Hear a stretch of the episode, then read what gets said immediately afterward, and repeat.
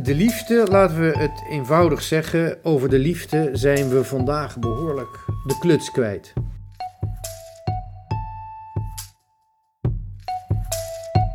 In deze podcast gaat Pater Elias op zoek naar wat echt is. Hij gaat de uitdaging aan om een zo helder mogelijk beeld te vormen van hoe de wereld in elkaar steekt.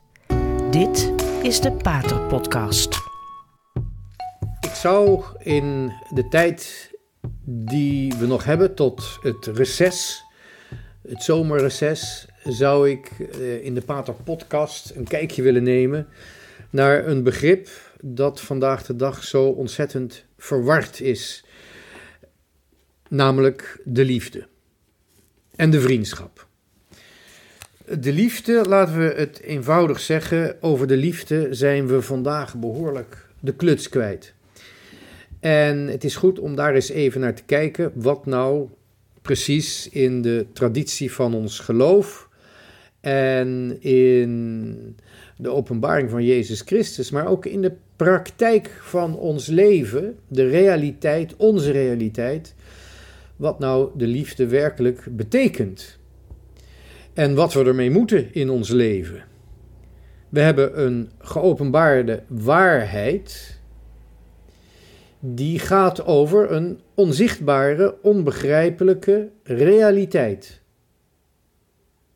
Het is de eeuwige waarheid, het is een waarheid over wie wij zijn, het is ook de waarheid over wie wij kunnen worden, vanuit Gods licht. Dat is de geopenbaarde waarheid. En die gaat over een realiteit die echt is. God zegt zelf: Ik ben degene is. En dus gaat de openbaring over een realiteit. Het is niet zomaar een creativiteit, een, een, een waarheid of wat kennis waar we een beetje mee uit de voeten kunnen, waar we wat uh, idealen aan kunnen ontlenen. Nee, het gaat over een realiteit, iets dat echt is. En ook iets dat echt kan worden vanuit een onzichtbare bron. De openbaring betreft waarheden, strikt genomen betreft het waarheden die we niet zelf kunnen ontdekken, maar ook een potentieel dat we zelf in ons hebben, ook al herkennen we dat niet. Wij erkennen dat wij tot dingen toe in staat zijn die we zelf niet beseffen en die we zeker zelf niet kunnen, maar waarvan God ons openbaart dat het wel kan, op voorwaarde dat we het samen met God willen doen. De geopenbaarde waarheid is niet alleen een theorie, het is een waarheid over een realiteit die met ons wil communiceren, namelijk de onzichtbare, almachtige schepper van alle dingen en zijn verlosser, Jezus Christus. En bovendien gaat die geopenbaarde waarheid over een potentieel dat wij in ons hebben. Een potentieel om terug te keren naar God met Gods verlossing. Met de kracht die God ons geeft omdat Hij ons verlost heeft. En in dat menselijke potentieel speelt de liefde, de vriendschap, speelt een hele belangrijke rol. En misschien moeten we na twintig eeuwen christendom langzamerhand is de balans opmaken van hoe ver het kan misgaan met de liefde. En dan bedoel ik niet dat we ruzie krijgen of echtscheidingen. Hoe kunnen wij verkeerde opvattingen over de vriendschap hebben? Over de liefde. Na twintig eeuwen, waarin we veel hebben gehoord over de liefde van Christus, over Gods liefde, over menselijke liefde, moeten we ook constateren dat er hele verkeerde denkbeelden over de liefde zijn, over de ware liefde. Door het christendom is de mens gaan leven vanuit een bepaalde leer, vanuit een bepaalde waarheid. Maar die waarheid kan vervalst worden. De mens kan liegen. De mens kan ook het belang van de waarheid kan hij ontkennen. Oftewel, een mens kan niet alleen jokken, maar hij kan ook volledig onverschillig worden. Hij kan in waanbeelden gaan geloven. En hij kan zich volledig vergissen over waar het leven mensen toe dient. En nogmaals, na twintig eeuwen mogen we zo langzamerhand de balans opmaken van hoe het fout kan gaan met mensen die de openbaring van Jezus Christus hebben ontvangen. We kunnen het hebben over het oude heidendom en het fatalisme van de mens voor de komst van Christus. Maar wat ons eigen cultuur betreft is dat wel heel lang geleden, dus dat blijft toch heel oppervlakkig, die kennis van ons eigen heidense verleden, dat inmiddels al 14 eeuwen achter ons ligt. En wat we ook kunnen doen, is vandaag de dag observeren wat er gebeurt in die heidense culturen. Culturen die Christus nog niet kennen, of niet rond de persoon van Christus en rond, vanuit het geloof hun samenleving hebben vernieuwd. Of samenlevingen die het geloof in Christus zijn kwijtgeraakt. We kunnen dat allemaal proberen te observeren om te kijken in wat voor vormen van fatalisme de mens terugvalt als hij Christus heeft gekend maar verliest. Of de vormen van fatalisme waar de mens in blijft steken als hij Christus niet kent en nooit heeft gekend.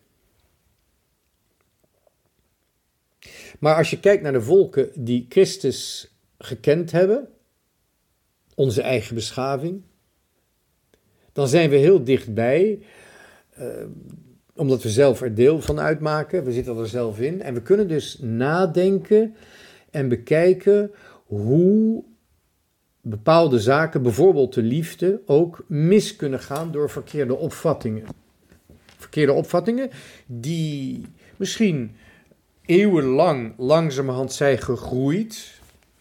Verkeerde opvattingen die we misschien onbewust geaccepteerd hebben en die langzamerhand in ons, in ons leven zijn gedronken, in, ge, doorgedrongen in ons leven en die ons leven kunnen verzuren en bitter maken. Bepaalde dwalingen, bepaalde, bepaalde ehm, fouten in onze opvattingen over de liefde. En om dan de bron weer terug te vinden in Christus, moeten we die fouten, die dwalingen, die moeten we ontmaskeren en proberen het evangelie terug te vinden. En liefde speelt een hele belangrijke, cruciale, centrale, wezenlijke rol in het christendom. Dus het is goed om eens even te kijken hoe het fout kan gaan. En hoe het gecorrigeerd kan worden waar het fout is gegaan. En ik zou het willen noemen, om die ware liefde terug te vinden, een, een weg van de extreme naar echte radicaliteit. Wanneer we kijken naar de mens, dan zien we hoe vaak de mens in extreem gedrag verzeild raakt. Verslavingen of geweld. Dat wil zeggen, met geweld jezelf opdringen aan anderen of subtieler door verslavingen slaaf worden van jezelf. Of eigenlijk, je zou kunnen zeggen, een verslaving betekent dat je hogere, verstandelijke en vrije en verantwoordelijke ik verslaafd raakt aan een onverstandig, irrationeel, bangerige kant van je persoonlijkheid. Extreme, die moet je ontvluchten, want die leiden tot de vernietiging. Maar de vraag is dan, moet ik het midden opzoeken. Het midden is tussen de extremen. Maar klopt dat? Moeten we het midden opzoeken? Moeten we de middenweg opzoeken? Wanneer we zien dat de mens een natuurlijke hang heeft naar extremisme, zonder opvoeding, zonder liefde of zonder veiligheid in de, kinderen, in de jaren van het kind zijn, kun je al heel snel door de wanhoop gedreven in extremisme, van wat voor vorm dan ook, terechtkomen. Moeten we dan pilletjes nemen? Moeten we gematigd worden? Moeten we het midden opzoeken? Het vervelende is, als we het midden tussen de extremen opzoeken, dat we uiteindelijk onszelf als midden gaan beschouwen. En het midden tussen de extremen kan ook stilstand zijn. Het kan stagnatie zijn. Het kan arrogantie worden. Het kan zelfs narcissisme worden. Ik ben het midden. En alle barbaren, alle slechte of domme mensen, die zoeken de extreme op. Maar ik ben in het midden. Want uiteindelijk ben ik zelf het midden. Dat is wat een narcissist zegt.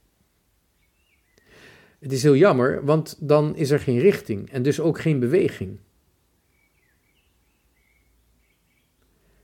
De middenweg kan de weg van het egoïsme worden. Kijk eens hoe ik gematigd ben. Kijk eens hoe ik onverschillig blij, blijf. Het zit heel diep in onze cultuur geworteld. Die twee vorm, of die, die, die vorm van uh, het midden, het midden zijn. Ik ben tolerant, ik ben arrogant. De anderen zijn barbaren. Ik ben niet extreem. Dat zit heel diep in onze cultuur verweven, omdat we namelijk in onze Nederlandse christelijke cultuur, in het polderchristendom, zitten we tussen twee extremen, waar we langzamerhand moe van zijn geworden. Je zou, ik heb het al eens eerder al verteld, je zou onze Nederlandse samenleving kunnen vergelijken met een bokswedstrijd. De linker en de, of de, de blauwe en de rode hoek. In de rode hoek zitten de strenge Calvinismen zitten de strenge Calvinisten. God heeft alles bepaald. De mens heeft eigenlijk geen vrije wil. Ja, een beetje om te, aan, te, aan te rotzooien en te vreubelen hier in de wereld. Maar uiteindelijk, wat betreft Gods uh, einddoel, het heil, heeft de mens geen eigen vrije wil. God heeft het al bepaald. Dat is de rode hoek. De blauwe hoek van deze geestelijke bokswedstrijd, dat zijn de vrijzinnigen. De rode hoek is de Bijbelbelt, terwijl de blauwe hoek de vrijzinnige hoek is. Je zou kunnen zeggen de VPRO-leden. Toen er nog geen puntjes waren weggehaald uit de afkorting.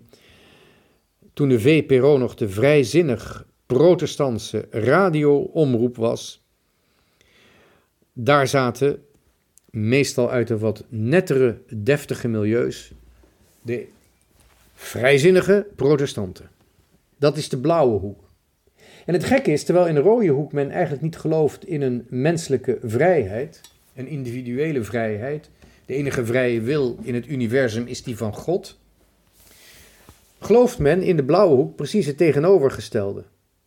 Er is maar eigenlijk één wil in het universum en dat is mijn wil. De mens moet helemaal in zijn eentje zelf alles bepalen, zonder steun het hele, de hele focus is op het ik, mijn bewustzijn, ik vind. Dus vaak als je met vrijzinnige protestanten praat, dan zeggen ze ja, ik, ik, ik denk dat iedereen vrij moet zijn. Ja, oké, fijn, je bent vrij, maar wat heb je dan gekozen? Ja, ik vind dat je tolerant moet zijn. Oké, maar wat is jouw eigen engagement? ben jij, als je onverschillig bent naar anderen, ben je ook verschillend. Ben je ook, als jij onverschillig bent naar anderen, ben je ook onverschillig naar God. In Nederland hoor je heel vaak zeggen: iedereen heeft zijn eigen waarheid. Maar dan kun je direct de vraag stellen: heeft God voor jou ook een waarheid? En heeft hij die geopenbaard? Dus je hebt als het ware in Nederland die strijd tussen de blauwe en de rode hoek. En ik zeg wel eens, de, tussen de vrijzinnige en, en, en, en, en de eh, Calvinistische hoek, oftewel tussen de VPRO en de Bijbelbelt, wie zit er? De scheidsrechter. En dat is de katholieke kerk. En die vangt alle harde klappen op. Maar in feite zie je in, zie je in de tendens in de samenleving als reactie op dat eindeloze en ook hopeloze, uitzichtloze gevecht tussen streng Calvinisme en vrijzinnigheid, zie je dan ook bij een heleboel mensen, het is bijna cultuur gaan worden, zeker bij de intellectuelen, dat je het midden moet opzoeken. Het midden tussen de extremen. En dan zit je goed. Maar nogmaals, waar ga je dan heen? Zit er nog beweging in? Is het leven alleen maar matigheid of is er ook iets radicaals? Nou, juist wat betreft de liefde zie je dat je als je tussen de extremen uh, het midden zoekt, dat er helemaal geen liefde overblijft. Tot zover deze Pater-podcast. We gaan volgende keer verder.